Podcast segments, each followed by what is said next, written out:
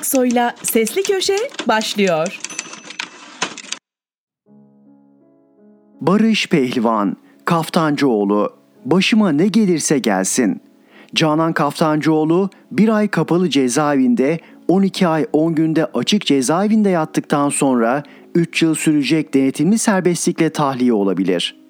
Ağır Ceza Mahkemesi kararını verdi, istinaf mahkemesi onadı. Yargıtay Cumhuriyet Başsavcılığı da hapsin kesinleşmesini talep etti. Eğer başsavcılığın 4 ayrı suçtan 8 yıl 2 ay 20 gün hapisle cezalandırılmasına dair isteği Yargıtay 16. Ceza Dairesi tarafından uygun görülürse sonuç ilk cümlemdeki gibi olacak. CHP İstanbul İl Başkanı Kaftancıoğlu infaz kanunu gereği toplam 13 ay 10 gün hapiste kalacak. Kimse olmaz diyemiyor. Gezi kararı yapabileceklerini bir kez daha gösterdi. Çünkü Türkiye seçime gidiyor. Çünkü AKP yargıyı siyasi maşa gibi kullanıyor. Çünkü Kaftancıoğlu İBB seçiminin kazanılmasında kilit rol üstlendi. Son olarak tip milletvekili Ahmet Şık gazeteci İrfan Aktan'a bu ihtimalden bahsetti. Canan Kaftancıoğlu'nu tutuklayacaklar dedi. Kaftancıoğlu'nu aradım ve hapse girmeyi bekliyor musunuz diye açıkça sordum.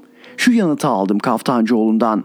Toplumu bir anksiyete haline düşürmeyi doğru bulmuyorum. Evet burası Türkiye. Her şey olabilir. Ama bunları düşünecek bir zamanım yok. Örgütlü mücadeleye inanıyorum. Benim başıma ne gelirse gelsin partimin İstanbul örgütünün mücadeleye devam edeceğini biliyorum. Kaftancıoğlu'nun yıllar önceki paylaşımlarından dolayı hapse girmesini isteyen talep bir yıldan fazladır Yargıtay 16. Ceza Dairesi'nin önünde duruyor. Yani verilecek son kararın eli kulağında. Kaftancıoğlu demedi lakin ben konuşmamızdan onun da olası kötü sonuca hazır olduğunu hissettim. Keşke yanılsak. CHP'den yeni belgeler geliyor. Ensar ve Türgev'in ortak kuruluşu.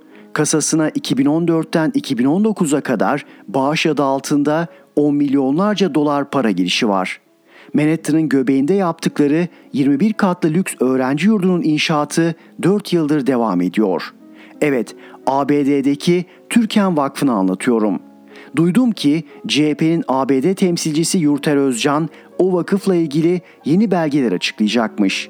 Özcan'ı aradım ve o belgelerin içeriğini sordum.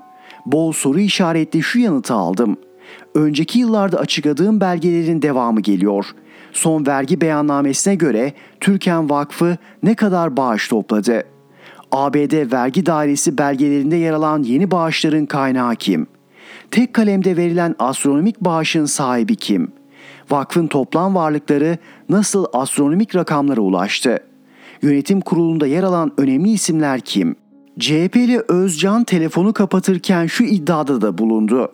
Misyonu burs ve öğrencilere yurt sağlamak olan bu vakfın son vergi beyannamesine göre verdiği burs 0 dolar. Bakalım kısa süre sonra açıklanacak belgeler nasıl tartışma yaratacak? Hakaretin perde arkası. Bir iftara katılmadı diye dangalak denir mi? Denmez. O halde dert başka. AKP'li Haluk İpek'in AKP'li Hilmi Güler'e karşı başka bir konuda husumeti olmalı. Var diyorlar. Evet, sorum şu. Bir AKP MKYK üyesi iktidarlarında 7 yıl bakanlık yapmış, sonra partisinin yönetimindeki Ordu Büyükşehir Belediye Başkanlığı koltuğuna oturmuş birine neden böyle hakaret eder? Ordu içinden bilenlere sordum. Ne garip, herkes ağız birliği etmişçesine eski belediye başkanı Enver Yılmaz'ı hatırlatıyor. Ne kadar da dolmuşlar. Hemen eski defterler açılıyor. Enver Yılmaz'ın Fethullahçılarla ilişkileri dile geliyor. Zekeriya Öz'ün Gürcistan'a kaçmasına yardımcı olanlar arasında onun da adının geçtiği söyleniyor. Aynı insanlar Haluk İpek'in işte o Yılmaz'la çok yakın olduğunu ileri sürüyor. Ya Ergün Taşçı yani belediye başkanına karşı hakarete Haluk İpek'in yanında destek veren diğer AKP milletvekili. Hilmi Güler'e yapılandan rahatsız olanlar Taşçı'nın dosyalarında açmışa benziyor. Belediyelerden ihale alan yakınlarını anlatıyorlar, şüpheli ilişkilerinden bahsediyorlar. Nihayetinde Hilmi Güler'in eski başkanın ve onun çevresindekilerin birçok işine çomak soktuğunu, asıl derdin bu olduğunu ileri sürüyorlar. Güler'in 3 yıl önceki ordu ordudan yönetilecek Pensilvanya'dan değil sözünün yarattığı rahatsızlığın devam ettiği dillendiriliyor. Hayati Yazıcı'nın ve Mehmet Özaseki'nin bu sürtüşmedeki rolüne dair iddiaları hiç yazmıyorum bile. Unutmadan sanki tüm bu kavganın Ünye limanıyla da bir bağlantısı var gibi ama orası da ayrı bir yazı konusu. Kısacası AKP içindeki kavgaların sesi o kadar yüksek ki artık kapalı kapılar bile çare olmuyor, çok şey duyuluyor. Barış Pehlivan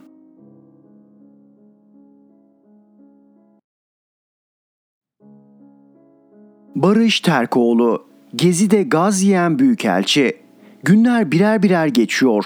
Geriye bakıp yıllar diyorsun. Damlayı görmeden suyu okuyorsun. Bae, İsrail, Suudi Arabistan derken sırada Mısır ve Suriye var. İhvancıların yayınlarını durdurup Rabia'yı unuttuk bile. Gel gelelim sıra Suriye'ye gelince pek de kolay değil.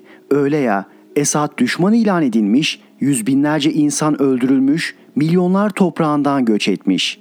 Peki biz bu noktaya nasıl geldik? Hayır, Esad mı haklı, cihatçı muhalifler mi diye geride kalmış meseleleri sormuyorum. Türkiye nasıl oldu da Suriye ile bu kadar kanlı bıçaklı oldu? Suriye krizine neden mesafe koyamadı? Yanıt arayanların elini kolaylaştıran bir kitap çıktı. Büyükelçinin gözünden Suriye. Türkiye'nin son Şam Büyükelçisi Ömer Önhon tarafından yazılmış. Hayır, yanlış anlaşılmasın. Önhon hükümete baş kaldıran bir monşer değil. Aslında dışişlerinin kararlarını beğenmese dahi uygulayan bir bürokrat. Suriye ile özellikle son 30 yıllık ilişkinin canlı tanığı olması anılarını önemli kılıyor. Gelelim konuya. Kitabın 116 sayfalık bölümünü okuyunca Öcalan'ın Şam'dan çıkışı ve Adana mutabakatıyla Suriye ilişkilerinin mükemmele yaklaşma hikayesini okuyoruz. Bunda da aslan payının Cumhurbaşkanı Ahmet Necdet Sezer'e ait olduğunu anlıyoruz. Gel gelelim 117. sayfada durum değişiyor. Suriye rejimiyle ilişkilerimizde gerginlikler başlıyor. Dışişleri Bakanı Muallem'le yaptığım tatsız görüşme. Bölüm Suriye Dışişleri Bakanı Velid Muallem'in 11 Mayıs 2011 günü Büyükelçi Önhon'u saat 10.20'de aratarak 40 dakika sonra acilen bakanlığa çağırmasını anlatıyor. Muallem önceki görüşmelerimizin aksine samimiyet göstermedi ve halatır sormadan doğrudan konuya girdi. Başbakan Erdoğan'ın ve Dışişleri Bakanı Davutoğlu'nun Suriye'deki gelişmelerle ilgili bir dizi mülakat ve açıklamayı özellikle Halepçe, Hama ve Humus'a yaptıkları atıfları gündeme getirdi.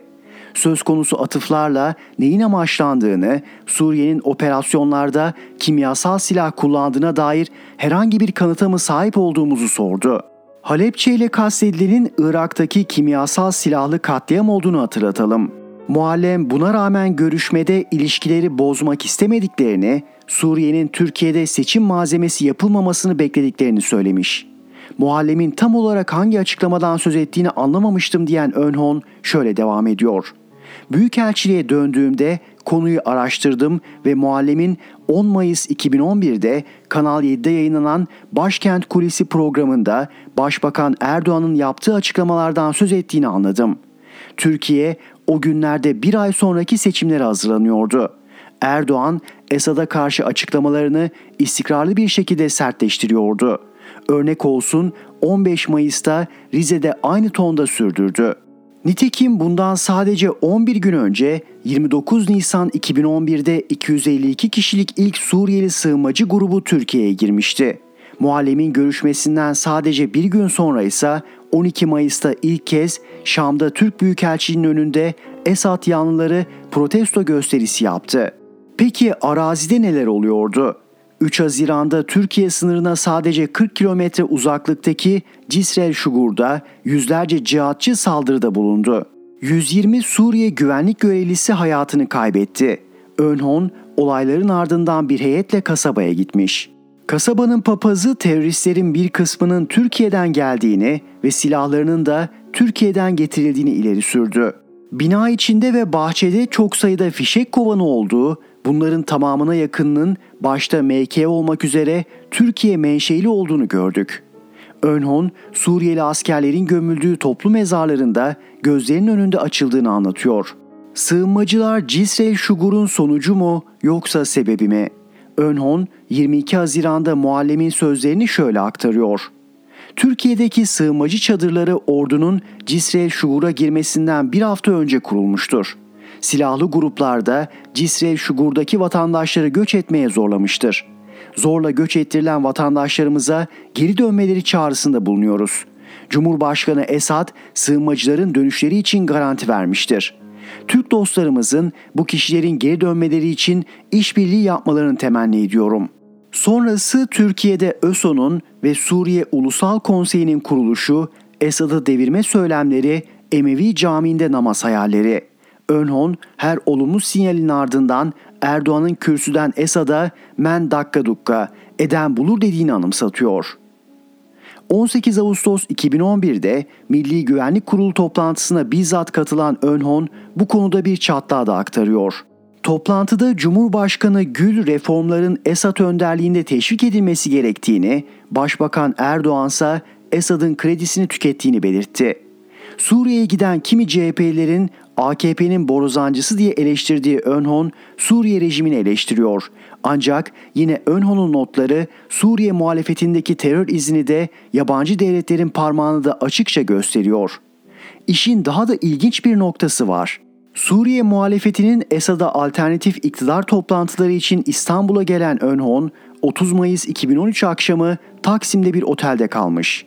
Bir anda parkın caddeye bakan duvarlarından insanlar aşağı atlayıp benim durduğum tarafa doğru koşmaya başladılar.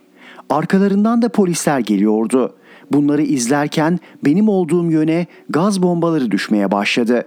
Gözlerim yanmaya ve yaşlar akmaya başladı. İlk şoku atlatınca ben de aşağı doğru koştum. Otelin önüne gelip beni bekleyen araca kendimi attım. Beni öyle görünce eli ayağına dolaşan şoförün verdiği şişedeki suyu yüzüme çarptım. Ama o an için en yanlış işmiş. Gözlerim daha da kötü oldu. AKP Esad'a dış destekli terör bağlantılı muhalefeti kabul ettirmeye çalışırken kendi ülkesinde Gezi'deki barışçıl gösterilere en sert müdahaleyi yapıyordu. Allah'ın sopası yok derler ya. Türkiye'nin son Şam Büyükelçisi Taksim'de gaz yiyerek bunlara tanıklık etti. VIP otobüsüne İçişleri Bakanı Muammer Güler bindi. Ona da olanları anlattım. Hayretler içinde kaldı. Gaz bombası kullanıldığından bilgisi olmadığını söyledi. Yaşananlar hakkında yüz yüze bilgi aldığı ilk görgü tanığı benmişim. Geçen hafta Esad insan öldürenler hariç bütün terör suçlularına af çıkardı. Öte yandan aynı hafta Erdoğan destekli yargı barışçıl protestolara müebbetlik ceza verdi. Suriye ile yeni sayfa açmaya hazırlanırken yaşananlar demokrasi aynasının nasıl durduğunu gösteriyordu. Şair Emerson günlerin bilmediğini yıllar öğretir diyor. Peki öğrenmeyi reddedene zamanı nasıl anlatacaksınız? Barış Terkoğlu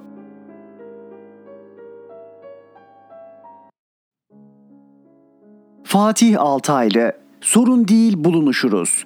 Benim ve aralarında Ahmet Hakan, Fatih Portakal gibi bir bölümü gazeteci, daha pek çok bildik tanıdık ismin kimlik ve tapu kayıtları gibi özel bilgileri birileri tarafından hacklenip bunlar üzerinden bu kişilere şantaj yapılmaya başlanınca ben de açıkça bunu yazdım. E-Devlet eklenmediyse bu bilgiler ortalıkta nasıl geziyor diye sordum. Aldığımız yanıta bak. Devletin benim ve sizlerin güvenliğinden sorumlu resmi kuruluşu bu rezaletin nasıl oluştuğunu araştırıp soruşturmadan bir açıklama yapıyor. Fatih Altaylı dezenformasyon yapmaktadır. Hakkında suç duyurusunda bulunacağız diyor. Ayıptır. Mağdurun suçlu gösterildiği bir sistem mi yaratmak istiyorsunuz? Vatandaşı korumaktansa suçlamak daha mı kolay? Gerçek mi, dezenformasyon mu yarın telefonumla beraber savcılığa başvurduğum zaman herkes görecek zaten. Ama buna bile gerek kalmıyor. Beni suçlayan Emniyet Genel Müdürlüğü dün resmi bir açıklamayla beni ve başka birçok kişiyi dolandırmaya çalışan kişinin yakalandığını söylüyor. Hayda, ben dezenformasyon yapıyorsam dün yakaladığınızı açıkladığınız adam neyin nesi? Bursa'da oturan 17 yaşında bir gençmiş. Öyle diyorsunuz açıklamanızda. Söylesenize ben dezenformasyon yapıyorsam bu çocuk aralarında Ahmet Hakan'ın da Fatih Portakal'ın Nevşin Mengü'nün de bulunduğu sayısını bilmediğimiz kişinin en gizli bilgilerini nasıl ele geçirmiş?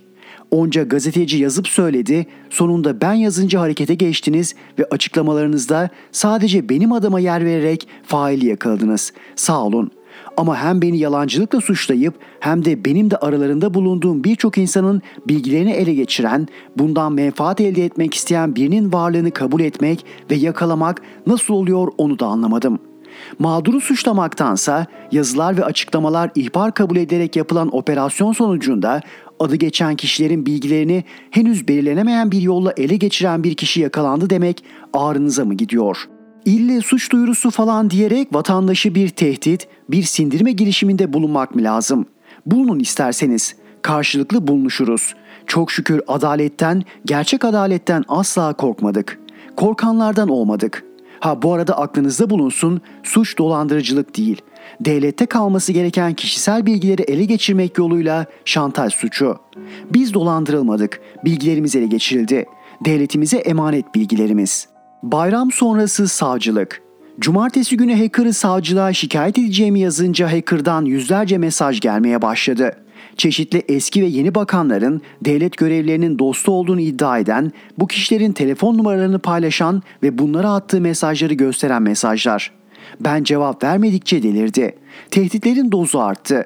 Rus olduğunu iddia eden hacker'ın oldukça geniş bir Türkçe küfür hazinesine sahip olduğu ortaya çıktı. Gün boyu yüzlerce mesaj geldi kendisinden. Pazar günü ise mesajlar kesildi ve kendi oluşturduğu gruplardan çıktı. Ardından hacker'ın arkadaşı olduğunu iddia eden bir kişi devreye girdi. Bayram ertesi her ikisi hakkında da savcılığa gideceğim. Bu bilgilerin nasıl ele geçirildiğini öğrenmem lazım.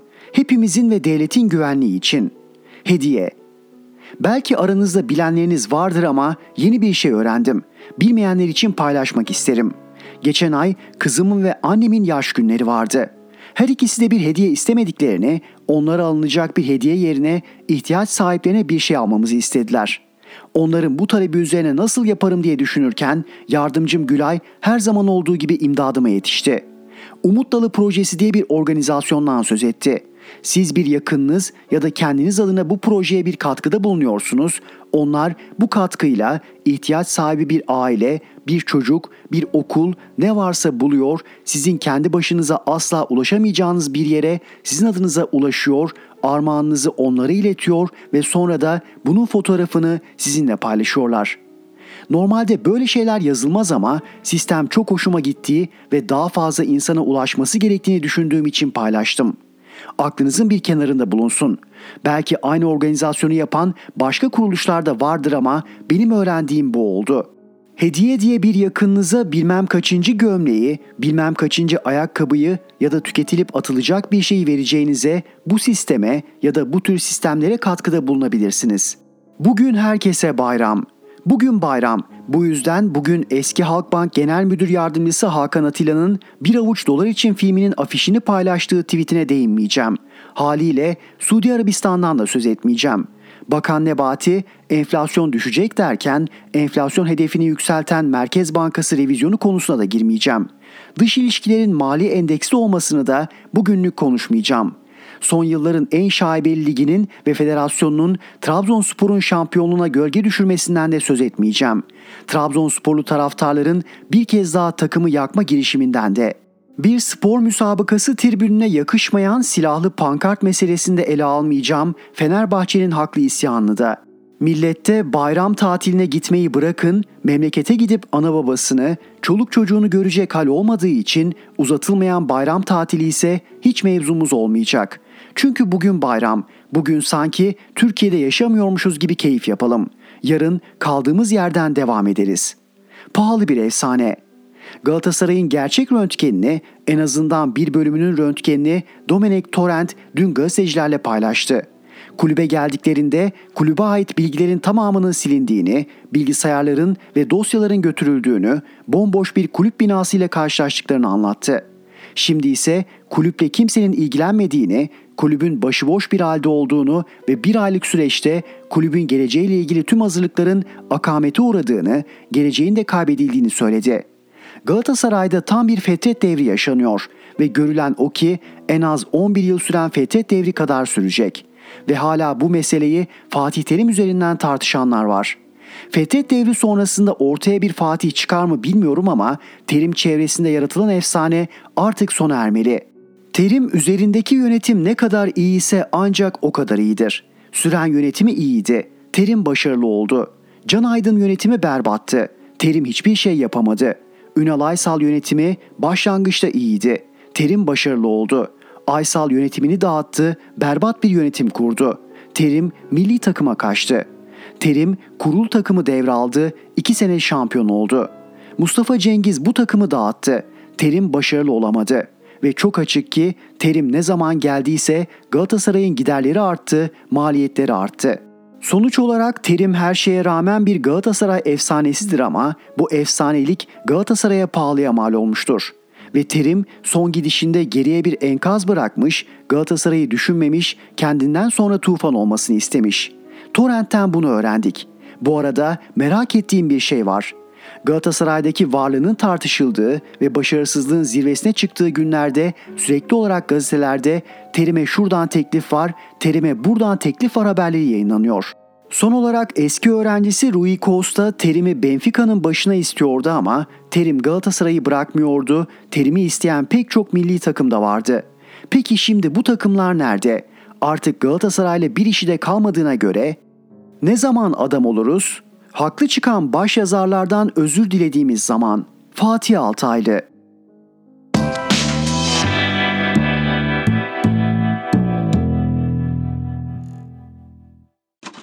Erhan Gökayaksoy'la Sesli Köşe devam ediyor. İsmail Saymaz Cumhurbaşkanlığı seçiminde 3 adaylı senaryo büyük ölçüde kesinleşti. Genel seçim gelecek yıl Nisan ve Temmuz ayları arasında bir tarihte yapılacak. Kum saati tersine çevrilirken Cumhur ve Millet İttifakları hem Cumhurbaşkanlığı hem de parlamento seçimi için hazırlıklarını sürdürüyor. Cumhur, millete göre daha oturmuş bir ittifak. Cumhurbaşkanı adayı belli. Ufukta bir dağılma veya eksilme ihtimali görünmüyor.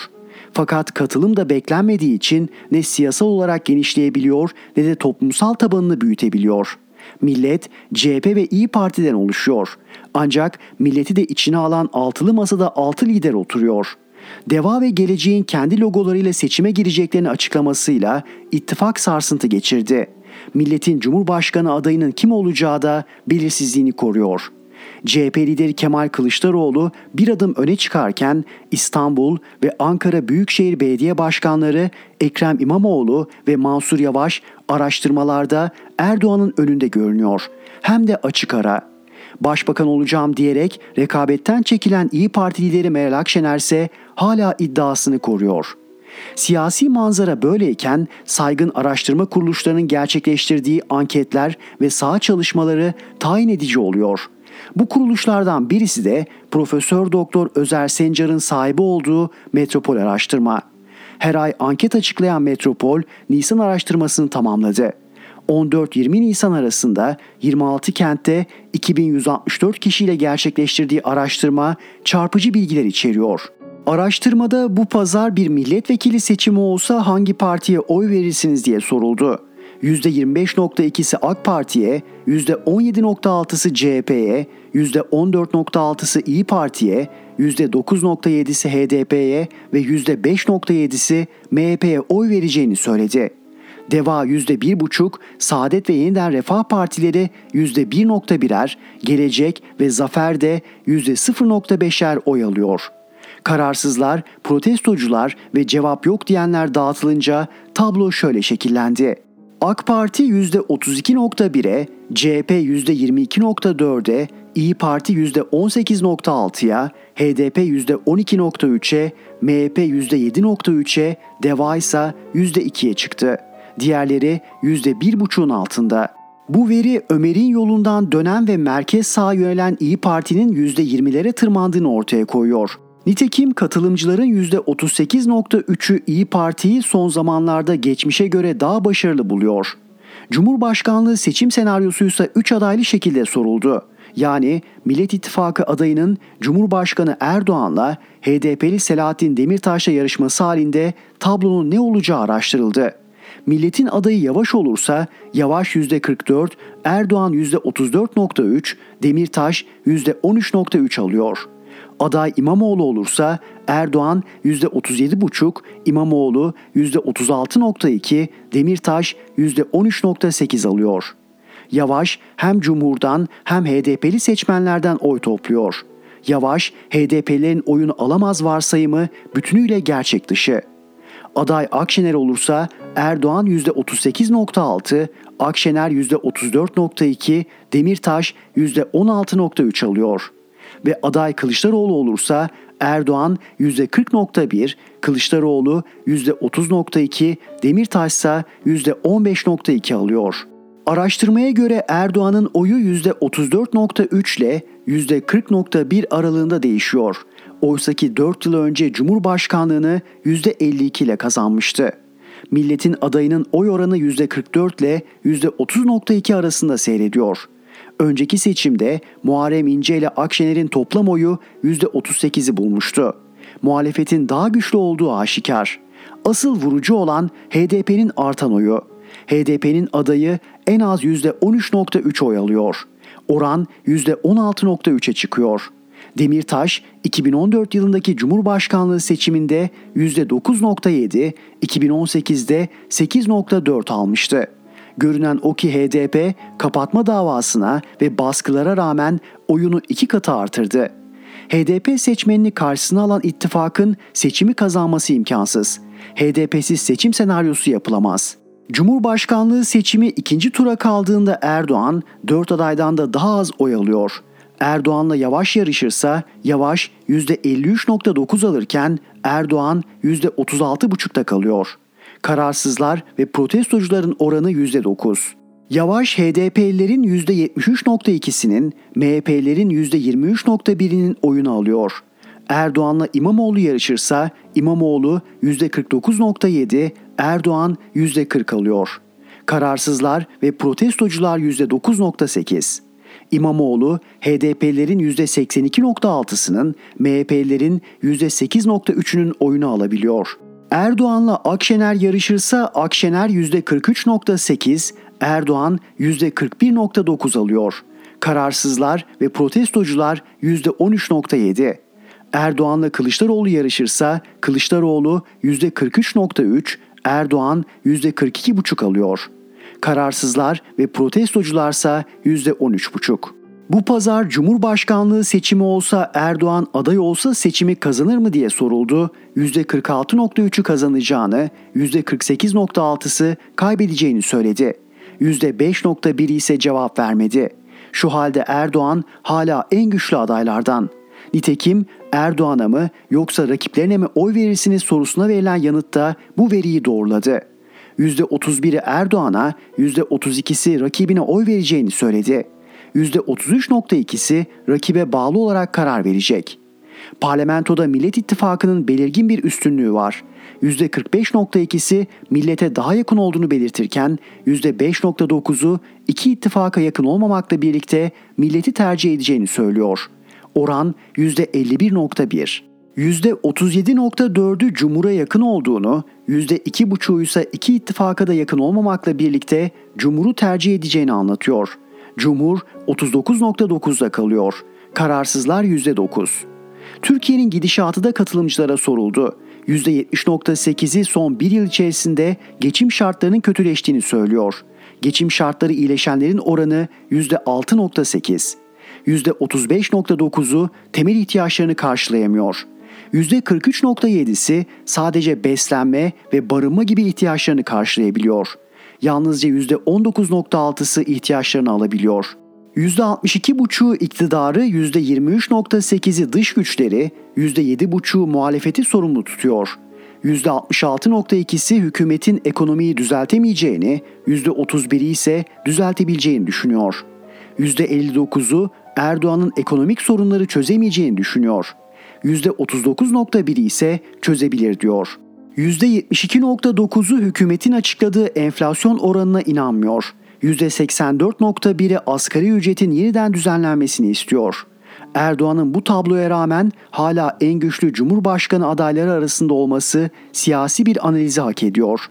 Fakat bir diğer gerçek de şu. AK Parti iktidarı boş tencerenin çıkardığı tıkırtılarla sarsılıyor. Muhalefetin çıkaracağı Cumhurbaşkanı adayı bu iktidarın ömrünü kısaltabilir de uzatabilir de. Rize'yi dolanarak Ankara'ya yürümek. İstanbul Büyükşehir Belediye Başkanı Ekrem İmamoğlu'nun bayramlaşma için şehre geleceği duyulduğu andan itibaren Rize'de acaba ne olur endişesi hakimdi. İmamoğlu'nun afişleri söküldü. Başak Demirtaş'ın ve HDP'lerin seyahate katılacağı dedikodusu yayıldı.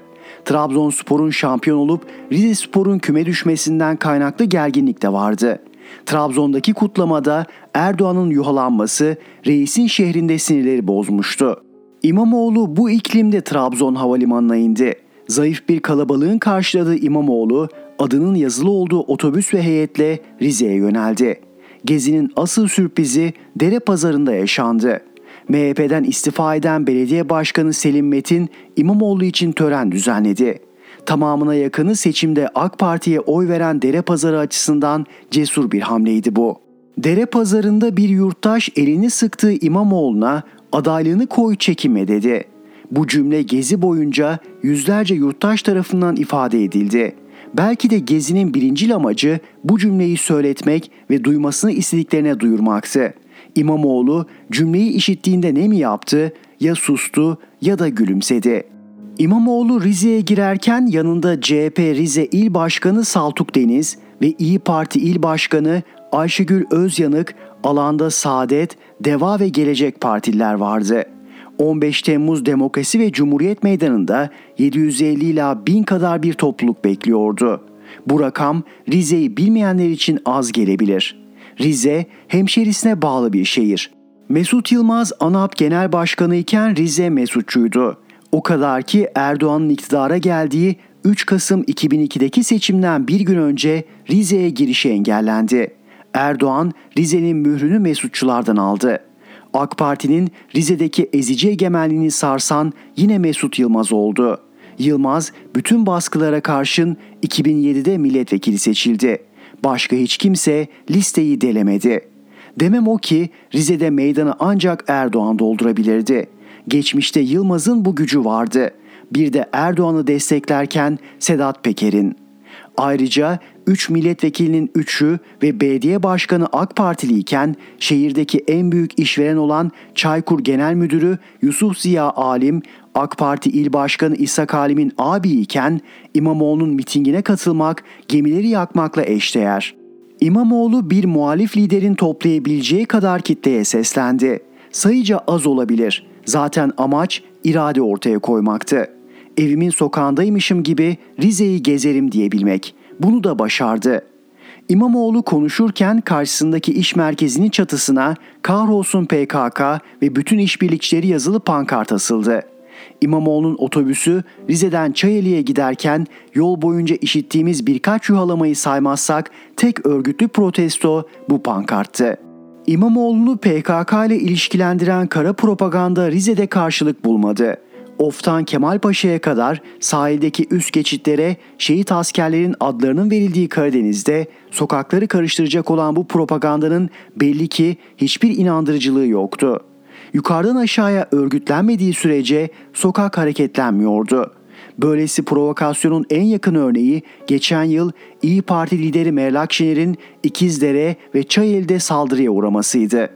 Rize provokasyondan hayli zarar gördü. Neyse ki AK Parti'de ders almış.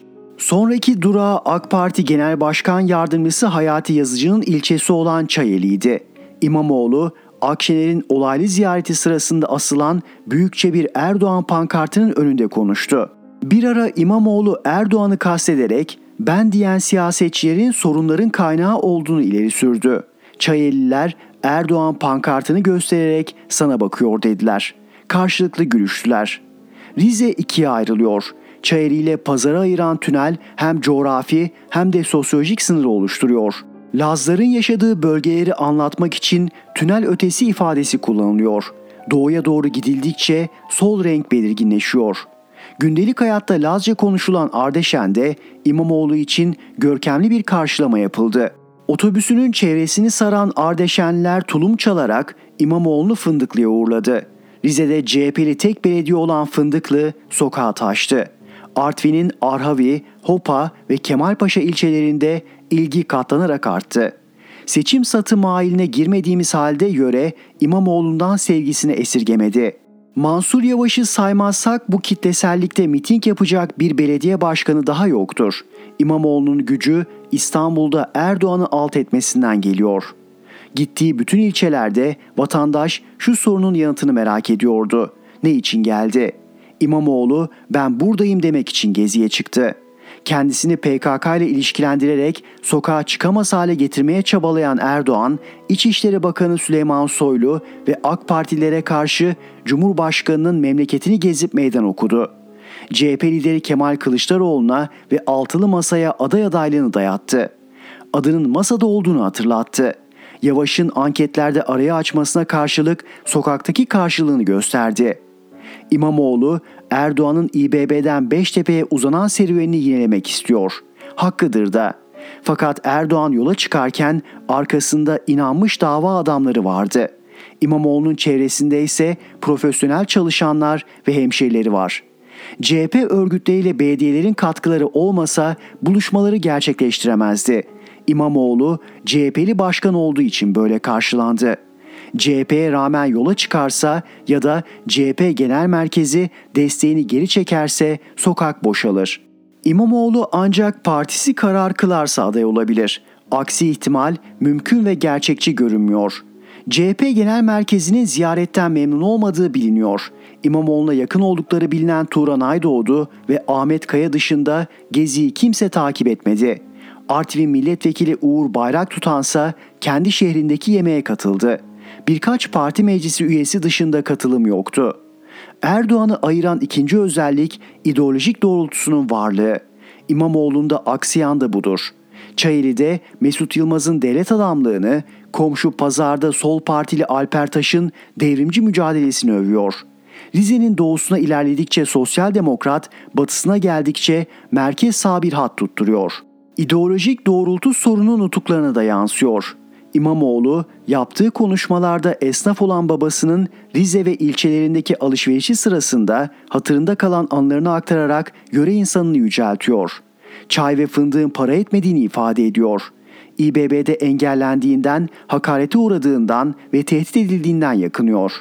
Altılı masanın neferi olduğunu, toplumun %60'ının değişim istediğini, Cumhuriyeti 100. yılında demokrasiyle taşlandıracaklarını söylüyor.'' Bu iş nasıl ve hangi adayla olacak belirtmiyor. Ben adayım demiyor. Aday ol diyenlere olmam da demiyor.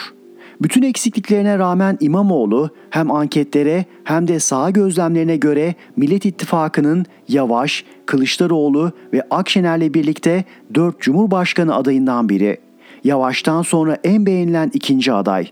İmamoğlu 3 yıldan beri iktidarın tam hedefinde yetkilerinin bir bölümü ellerinden alındı, defalarca engellendi. Belediyede müfettiş, adliyede soruşturma ve dava eksik olmadı. İktidar medyası mesaisini İmamoğlu'na harcıyor. Bu kavgalara İmamoğlu'nun kar felaketinde İngiliz Büyükelçisiyle balıkçıya gitmek gibi hatalarını da eklemek gerekiyor. Doğrusu İmamoğlu yıpranma payına rağmen iddiasını koruyor. Fakat asıl niyetini beyan etmediği için Rize'yi dolanarak Ankara'ya yürümek istiyor yolu çok uzatıyor. İsmail Saymaz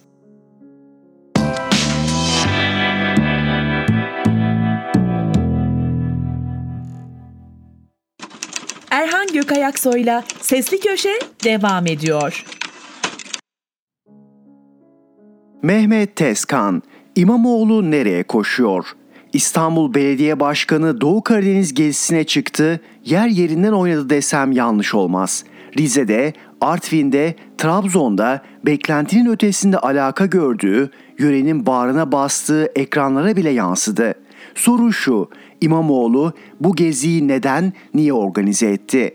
Memleketiyle doğduğu topraklarla bayramlaşma gerekçesi şemsiye, niyetin örtüsü de diyebiliriz. Bir adım öteye geçelim. Gazeteci ordusuyla Doğu Karadeniz gezisine çıkmasının bir anlamı olmalı. Bayramlaşmanın ötesinde. Cumhurbaşkanı adaylığı mı? Cumhurbaşkanı adayıyım diye CHP Genel Merkezi'ne mesaj göndermemi, Kenara çekilmedim deklarasyonu mu? Doğu Karadeniz gezisinin her ilde miting yapmasının anlamı ne? Bana göre şu, İmamoğlu Cumhurbaşkanı adaylığına oynamıyor, CHP Genel Başkanı olmak için kolları sıvadı. Hedefi, amacı bu. İl il gezmesinin gazeteci ordusuyla Karadeniz gezisine çıkmasının başka anlamı olabilir mi? CHP Genel Başkanlığı Cumhurbaşkanı adaylığından daha mı önemli diyeceksiniz? Hemen yanıt vereyim, evet.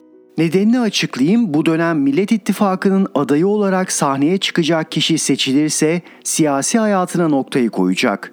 Altılı Masa'nın koyduğu kural bu.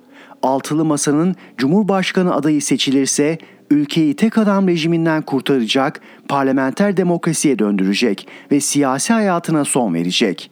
Kılıçdaroğlu bu misyonu üstlenmeye hazır ve niyetli ama siyasi hayatının başında olan İmamoğlu için cazip değil. İmamoğlu genç, lider kumaşı olan, halkla temas edebilen, halka dokunan, karşılık bulan bir siyasetçi. CHP Genel Başkanı olmak, CHP'yi iktidar partisi yapmak, parlamenter rejimin başbakanı olmak İmamoğlu için daha büyük hedef. İzlediği politikaya bakarsak koşusu bu yönde. Uzun ve kalıcı. Diyarbakır'a gitti, Tunceli'ye gitti, Kayseri'ye gitti, Karadeniz'e gitti. Karşılık buldu. Gittiği her yerde sevgiyle karşılandı. Kısa dönem Cumhurbaşkanlığının ötesinde uzun dönem ülke yönetimine soyunması daha mantıklı değil mi? Hem de CHP Genel Başkanı olarak. Kılıçdaroğlu Cumhurbaşkanı adayı olursa CHP Genel Başkanlığını bırakacak. Çünkü Cumhurbaşkanının partili olmaması kendisinin bize taahhüt ettiği ilkelerin birinci sırasında. Kılıçdaroğlu CHP'nin başından ayrılırsa yerine kim geçecek? Aday olmadı diyelim. Altılı masa sen kazanamazsın diye çekince koyduğunu düşünelim. Yani başka bir aday üzerinde uzlaştıklarını. Bu durumda da Kılıçdaroğlu'nun CHP Genel Başkanlığında kalması zor.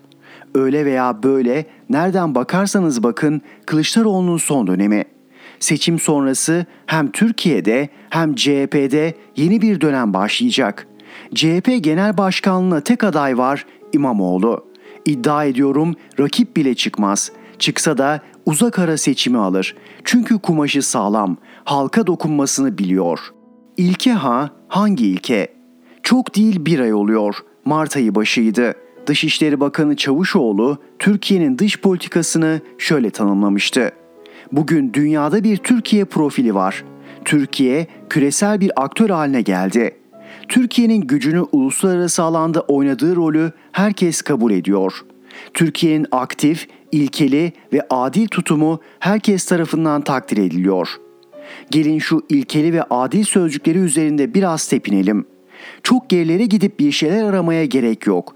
Tek belirleyici, tek karar verici olan Erdoğan dün dedi ki ülkemizde misafir ettiğimiz 1 milyon Suriyeli kardeşimizin gönüllü geri dönüşünü sağlayacak yeni bir projenin hazırlıkları içindeyiz. Bu Ankara'nın düşünülmüş taşınılmış, belli ilkeler çerçevesinde saptanmış devlet politikası mı?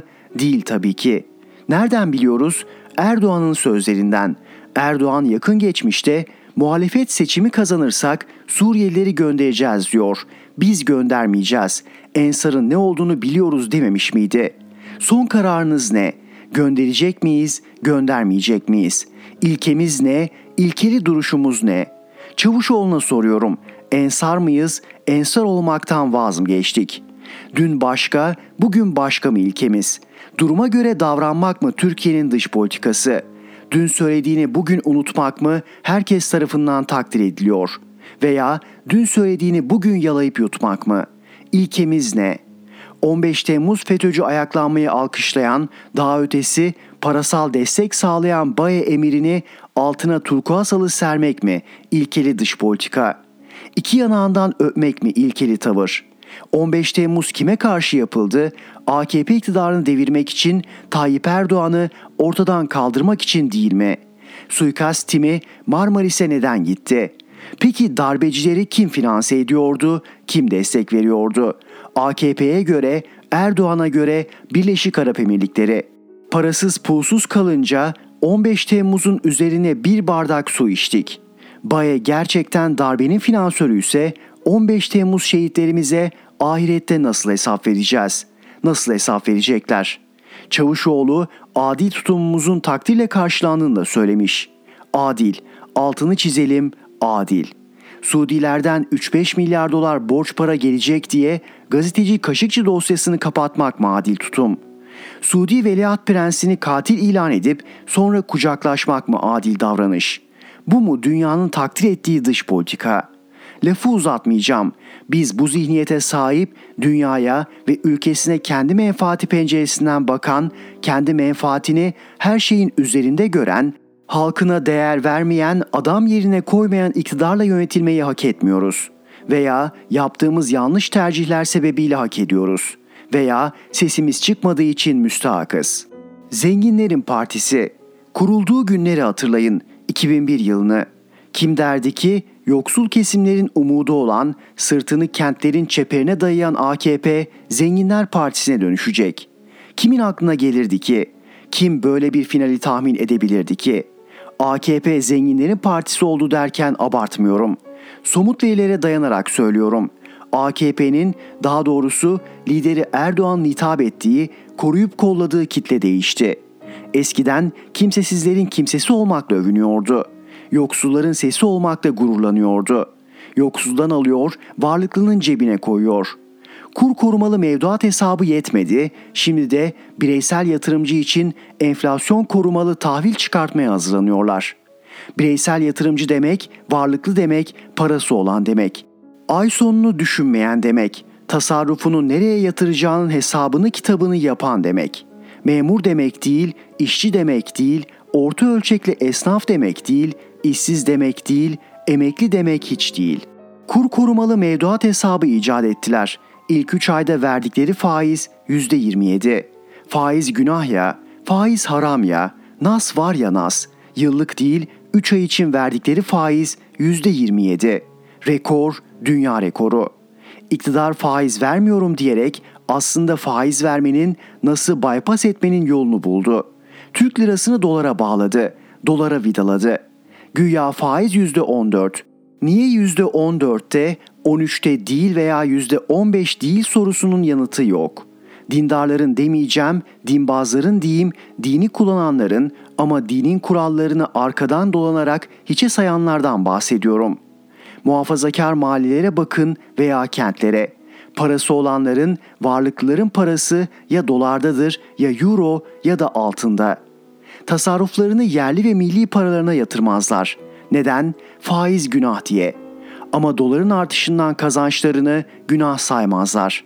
Mesela 800 lira verip 100 dolar almışlardır. 6 ay sonra 1400 liraya bozarlar. Aradaki farkı faizden saymazlar. Onlar 100 dolar almışlardır. 100 dolar bozdurmuşlardır. Gerisi onları ilgilendirmez. 800 liralarının 6 ayda 1400 liraya çıkması faiz değildir. AKP sırtını siyasal İslam'a dayayan parti. O kesimi iyi tanıyor. İslamcı esnafın İslamcı varlıklının yaptığını devlet olarak uygulamaya başladı. Faizi indirdi, dolar üzerinden örtülü faiz verdi. Adı faiz değil, getiri oldu. 750 milyar liralık kur korumalı mevduat hesabı açıldı diyorlar ya. Bununla övünüyorlar ya. Aslında o hesap TL görünümlü dolar hesabı. Ver paramı dediğin an banka o günkü dolar kurundan paranı ödüyor. Yok yok banka riske girmiyor. Hazine ödüyor. Yani fakir fukaranın verdiği vergilerle ödüyor. Yani zengine fakir fukaranın parasıyla kıyak yapıyor. Ama gidişat o kadar kötü ki bu da varlıklıyı kurtarmıyor. Çünkü enflasyon parasını dolarda tutanı da kur korumalı mevduata yatıranı da zarar ettiriyor. Cingöz Maliye Bakanı zenginin parasını korumak için yeni bir enstrüman geliştirdi. Varlıklılar için enflasyon korumalı tahvil çıkartıyorlar. Tahvili al, enflasyon %70'miş, %80 olmuş umurunda mı? Hazine kapı gibi arkalarında fakirden alır zengine verir. 2022 model AKP bu. O artık zenginlerin partisi. Mehmet Tezkan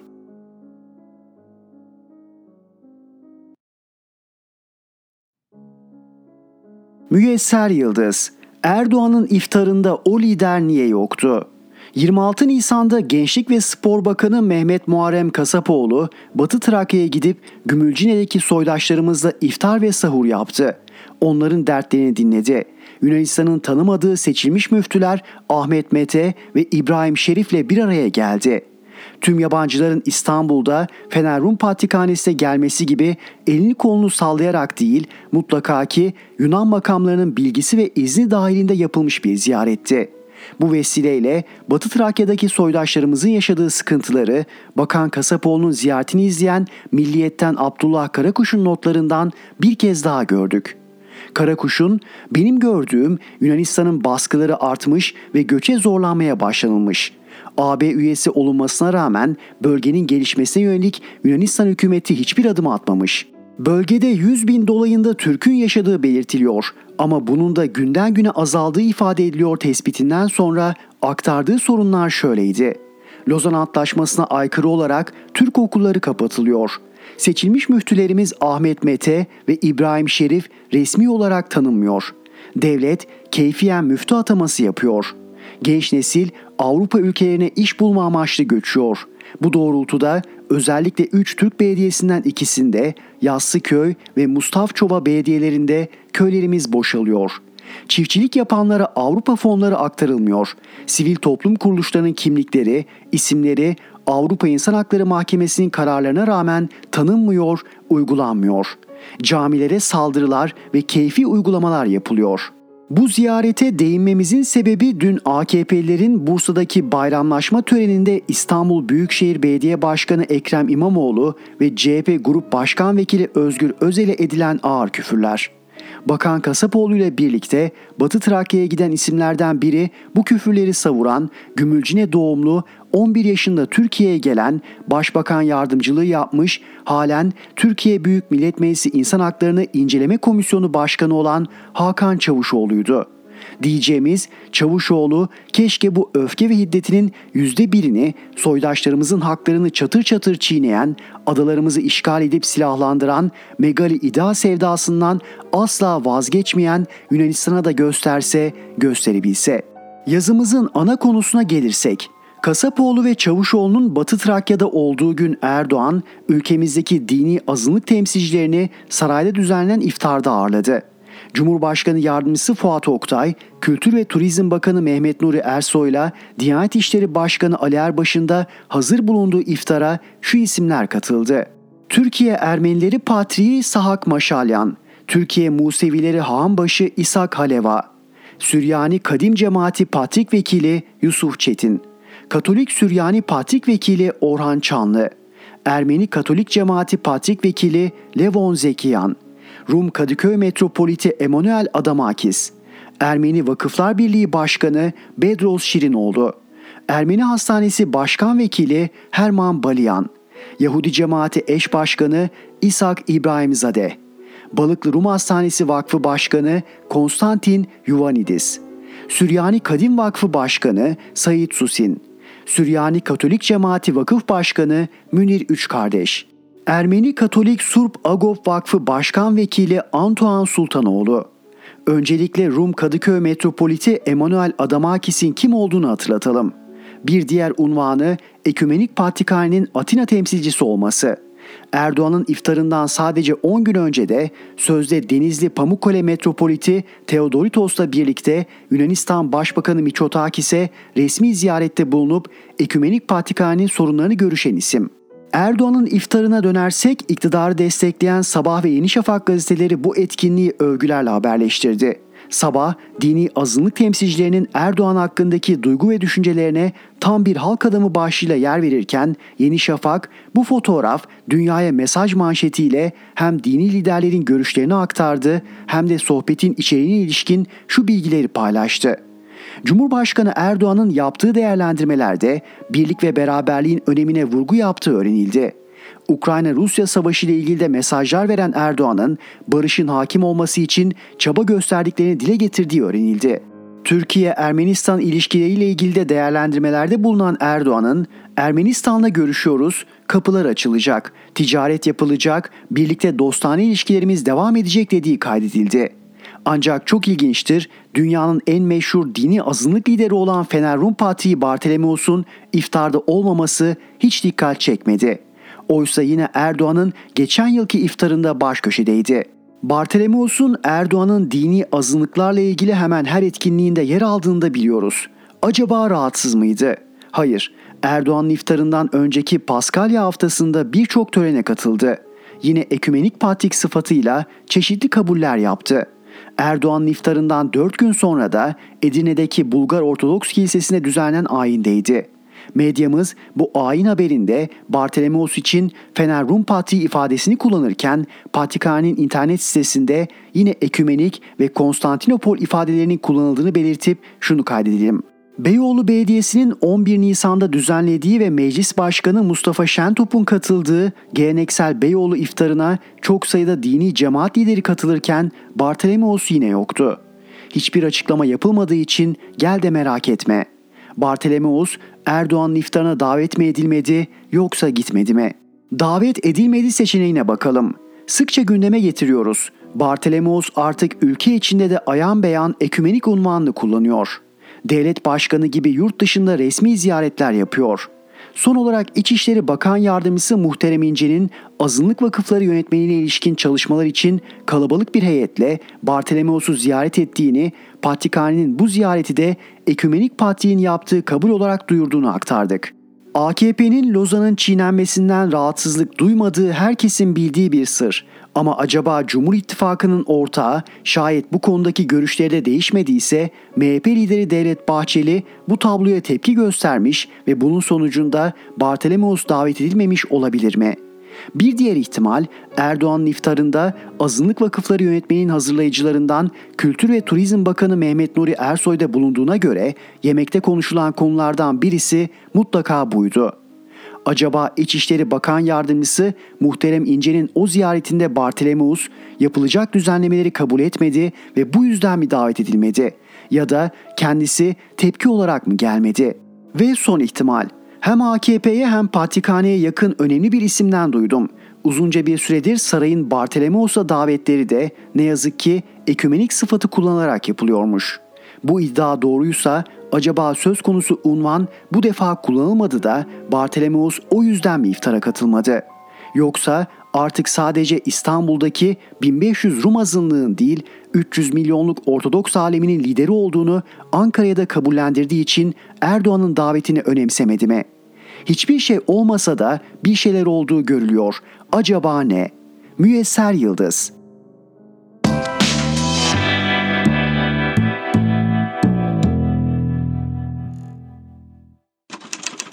Erhan Gökayaksoy'la Sesli Köşe devam ediyor. Naim Babiroğlu, beka sorunu büyüyor. Batı ülkeleri günümüzde Kürt ve siyasi İslam üzerine şekillendirdikleri Orta Doğu politikalarını Mustafa Kemal Paşa'ya karşı da uygulamışlardı. İstanbul'daki İngiliz Yüksek Komiseri Amiral Sir Calthorpe 1919'da Dışişleri Bakanı Lord Curzon'a gönderdiği gizli raporda şöyle yazıyordu. Binbaşı Noel Kürt şefleriyle görüş birliğine varırsa bundan büyük faydalar sağlayacağını söylüyor. Kürtler henüz Mustafa Kemal'e karşı ayaklanmadılar ama Noel bunu başaracağından emin. İngiliz ajanı Noel Elazığ valisi Ali Galip'le birlikte Sivas Kongresi'ni basmayı bile düşündü. Fakat başaramadı. Mustafa Kemal Paşa 1919'da Sivas Kongresi'nde yaptığı konuşmada şunları söyledi. İngilizlerin amacının parayla ülkemizde propaganda yapmak ve Kürtlere Kürdistan kurma sözü vererek onları aleyhimize ve bize karşı suikast düzenlemeye yöneltmek olduğu anlaşılmış, karşı önlemler alınmıştır. Tarih tekerrürden ibaret değil mi?'' 1925 yılında Bağdat'taki Fransız Yüksek Komiserliği Paris'e gönderdiği gizli raporda 13 Şubat 1925'te doğuda çıkarılan Şeyh Said isyanı ile ilgili şunları yazar. Şeyh Said ayaklanması kendiliğinden birdenbire ortaya çıkmadı. Kürdistan dağları yabancıların kışkırtması ve desteğiyle ayaklandı. Bu bölgede ortaya çıkan olaylar İngilizlerin uğradıkları yenilgiden sonra hiç affetmedikleri Mustafa Kemal'e karşı yürüttükleri siyasetin bir parçasıdır. Kürt ayaklanması bundan daha iyi koşullarda patlak veremezdi.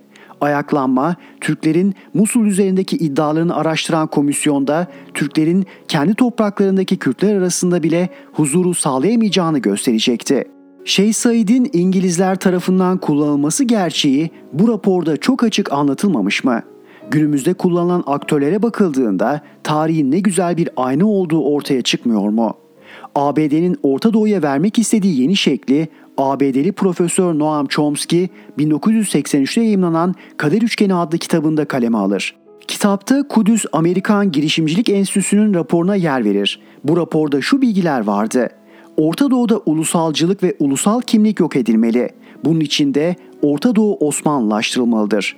Böylece bölgede batı çıkarlarına karşı çıkacak ulusal güç ve direnç kalmayacak, sistemlerin çarkları rahatlıkla işleyecektir. ABD için en tehlikeli düşman ve tehdit bağımsızlık tehdididir. Büyük Orta Doğu projesi fırtınasıyla Irak, Suriye, Libya'nın parçalanması ABD hedefinin kaçıncı halkası? ABD Merkezi İstihbarat Teşkilatı CIA Orta Doğu Direktörü Graham Fuller 1990'da şunları söyler. Kemalizm bitti. Dünyadaki bütün liderler gibi o da sonsuza dek yaşayacak bir ürün veremedi. Oysa İncil ve Kur'an hala veriyor. Bu nedenle kendisine entelektüel güven duyan Türkiye, İslam'ın günlük yaşamdaki yerini almasını yeniden düşünmelidir. Türkiye'de günümüzde yaşanan gelişmelere, kutuplaşmaya ve tartışmalara bakın. ABD'nin etkili dışişleri eski bakanı Kissinger 2014 yılında Amerikan NBR radyosuna verdiği demeçte 1919-1920 yıllarında yapılan ittifaklarla kurulan ulusal sınırlar bir bütün olarak yıkılmalıdır dedi. 2017 yılının son gününde PYD PKK terör örgütünün sözde üst düzey komutanlarından Siyabent Velat, Pentagon'un kendilerine Türkiye sınır boyunda 100 bin kişilik ordu kurun, tüm gücümüzle yanınızdayız dediğini aktardı. Bugün sayının yaklaşık 60 bin olduğu söyleniyor. Az kalmış. 4 Ocak 2018'de Fransız hükümet sözcüsü Grivo, Suriye'de yakalanan Fransız vatandaşlarının Türkiye'nin terör örgütü olarak kabul ettiği PYD mahkemelerinde yargılanmasını saygıyla karşıladıklarını söyledi. Böylece Fransa, PYD PKK terör örgütünü meşru bir devlet olarak gördüğünü açığa vuruyordu. PYD PKK terör örgütü tehdidi gün geçtikçe büyüyor. ABD'nin desteğiyle yaklaşık 60 bin silahlı teröriste sahip bir devletçik oluşturularak Kuzey Irak'la bütünleştirme adımları atılıyor. Türkiye, ABD'nin Barış Pınarı operasyonunu durdurma baskısına hayır diyebilmeliydi. Barış Pınarı Harekatı'nda planlanan askeri hedefler gerçekleştirilerek politik amaçlar karşılanmalıydı, olmadı, geç kalındı. Papa 8 Mart 2021'de Irak Kürt bölgesel yönetimini ziyaret etti. Ziyaret anısına bir pul tasarlandı. Pulda yer alan haritada Sivas, Erzincan, Erzurum, Kars ve Güneyi, İskenderun, Gaziantep, Mardin, Hakkari ve Kuzeyi Kürdistan olarak gösterilmiş. Irak ve Suriye parçalandı. PKK-PYD terör örgütü devletçik haline getirildi. Sığınmacı akını ve pulda yer alan bu harita. Büyük Atatürk'ün ve o kahraman kuşağın çöpe attığı ölüm fermanı sevri unutmadılar. Ceplerinden çıkarmak için fırsat kolluyorlar.'' Tarih ulusların tarlasıdır. Ne ekerseniz onu biçersiniz ve tarih bir dikiz aynası, arada bir bakılması gereken. Naim Babiroğlu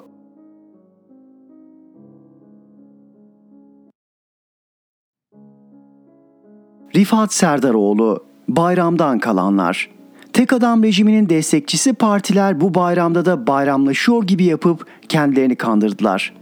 Bayramlaşma törenlerinden önce karşılıklı iyi niyet mesajları gönderildi. İlk mesaj AKP'den geldi. Dangalaklar. Yanıt ana muhalefetten. Dangalak sizsiniz, dangalak babanızdır. Yanıta yanıt. Sizler kahpe adamlarsınız. Biz Erdoğan'ı yalnız bırakmayacağız. Yanıta yanıta yanıt. Dünyada kahpelik bitse siz icat edersiniz. Yobaz herifler. Bayramın ikinci günü karşılıklı ziyaretler yapıldı hayırlı bayramlar. Cumhurbaşkanımız, Genel Başkanımız Erdoğan'ın da selamlarını getirdik. Bayramınızı kutluyor. Ev sahibi parti, hoş geldiniz, sefalar getirdiniz. Bizim genel başkanımız da sizlerin bayramınızı tebrik ediyor. Beyefendiye selamlarını iletmemizi emrettiler. Not: Doğru parti olarak böyle bir komediye ortak olmuyoruz. Herkes evinde ailesi, dostları, akrabalarıyla bayramını kutluyor.'' Ziyaret bitti ve hepsi devletin arabalarına bindi ve az önce ziyaret ettikleri insanlara tekrar dangalak diyerek küfre başlayıp rahatlamış olarak partilerine döndüler. Kaliteye bakar mısınız? Uyanık TÜSİAD Erdoğan hiçbir ekonomistin akıl erdiremediği Nebati Şahap ekonomik programını eleştiren TÜSİAD için şunları söyledi. Bunlar bizim zamanımızda bu paraları kazandılar, şimdi utanmadan konuşuyorlar. Erdoğan'dan önce TÜSİAD mı vardı? Yoktu. TÜSİAD'ı da Erdoğan kurdu. Benim yaşımda olanlar hatırlarlar. Rahmetli Vehbi Bey el arabası tezgahında Çengelköy hıyarı satar, nafakasını çıkarırdı. Ya rahmetli Sakıp Ağa akşamdan bayat simitleri toplar, gece buhara yatırır, sabah taze diye insanlara satardı. Ne zaman ki 2002'de Erdoğan başa geldi, Allah TÜSİAD üyelerine yürüyün ya kullarım dedi. Devlet ihalelerinin hepsini kapalı ihale yapıp kaptılar. Vergiden muaf vakıflar kurup milleti dolandırdılar. Kupon arazilerden trilyonları götürdüler. Yetinmediler, IŞİD denen alçakların kaçak petrolünü çocuklarına, damatlarına sattırdılar. Terör örgütlerine silah satışı yaptılar. Devletin elemanlarını kaçakçılıkta kullandılar. Gözleri doymadığı için uyuşturucu ticaretine başladılar. Bazen sersem sepelek dolaşan TÜSİAD'çıları görüyorsunuz ya. İşte onlar mal taşırken duman altı olanlar. Ya uyanık TÜSİAD'çılar sizi. Bulduğunuz cillop gibi ekonomist başkanı hepiniz zengin oldunuz. Şimdi adamı beğenmiyorsunuz ha görürsünüz siz görürsünüz. Aziz Türk milletine ülkemiz soyuldu, kurucu önderimize en ağır hakaretler yapıldı. Cumhuriyetimizin tüm değerleri çiğnendi. Yargı bağımsızlığı hukuk devleti çöktü, adalet öldü. Doğruluk, dürüstlük, helal kazanç, emeğe saygı bitirildi. Hırsızlık, ahlaksızlık, yalancılık, mala çökme, mafyacılık, vatana ihanet, dini ticaret aracı olarak kullanmak, haram yemek en itibarlı meslekler oldu. Tüm bunlar olurken sen susmayı, seyretmeyi tercih ettin.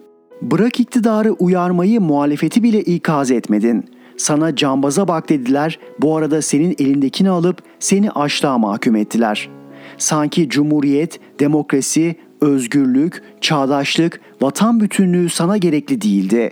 Dünyanın hiçbir ülkesinde hiçbir millet devlet kurup onu teba olmaktan kurtarıp birey olmayı armağan etmiş kurucu önderine küfrettirmez, küfreden densizin de ağzını yırtar. Sen sustun, hala da seni İran benzeri ümmet çukuruna atacak, seni köle yapacak, kadını eve kapatacak AKP denen organize suç örgütüne %20-25 oy veriyorsun. Sana bizlere görev verirsen evlatların olarak öncelikle neler yapacağımızı anlatalım.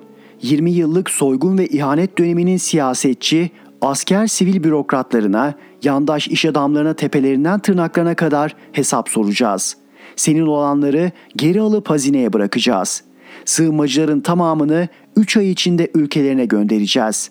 Yapamazsınız diyen, engellemeye kalkan devlet olursa sığınmacıları onlara göndereceğiz. AKP'nin yaptırdığı 3 adet sarayın girişine 20 yıllık ihanet müzesi dikeceğiz. Kim iç dış düşmanlarla hangi anlaşmaları yapmış, adalarımız nasıl Yunan'a peşkeş çekilmiş, Türk milleti nasıl soyulmuş, 10 milyon Arap eşkıyası nasıl ve hangi amaçla ülkeye alınmış, muhalefet partileri nasıl dolaylı destek vermiş, tüm belgeleri ve mahkeme kararları buralara konacak. Ortaokula başlayan her çocuğumuz bunları görecek, okuyacak, bilecek. Sonra referandum yapıp bir soru soracağız. Bu eşkıya takımının isimleri, resimleri tüm vatan satından silinsin mi?'' Eğer evet silinsin dersen bu 20 yıllık utanç dönemini tarihten, kitaplardan, hafızalardan sileceğiz. Şimdi düşünme sırası sende aziz Türk milleti. İster AKP, MHP destici Perinçek ittifakına oy verirsin, ister bunların alt kopyası olan Millet İttifakı'na. Yok ben artık rahat olmak istiyorum, çocuklarımın özgür, zengin ve çağdaş bir dünyada yaşamasını istiyorum dersen doğru parti emrinde.'' Sen ne dersen o olacak. Takdir de, karar da, gelecek nesillere hesap vermekte artık senin işin. Rifat Serdaroğlu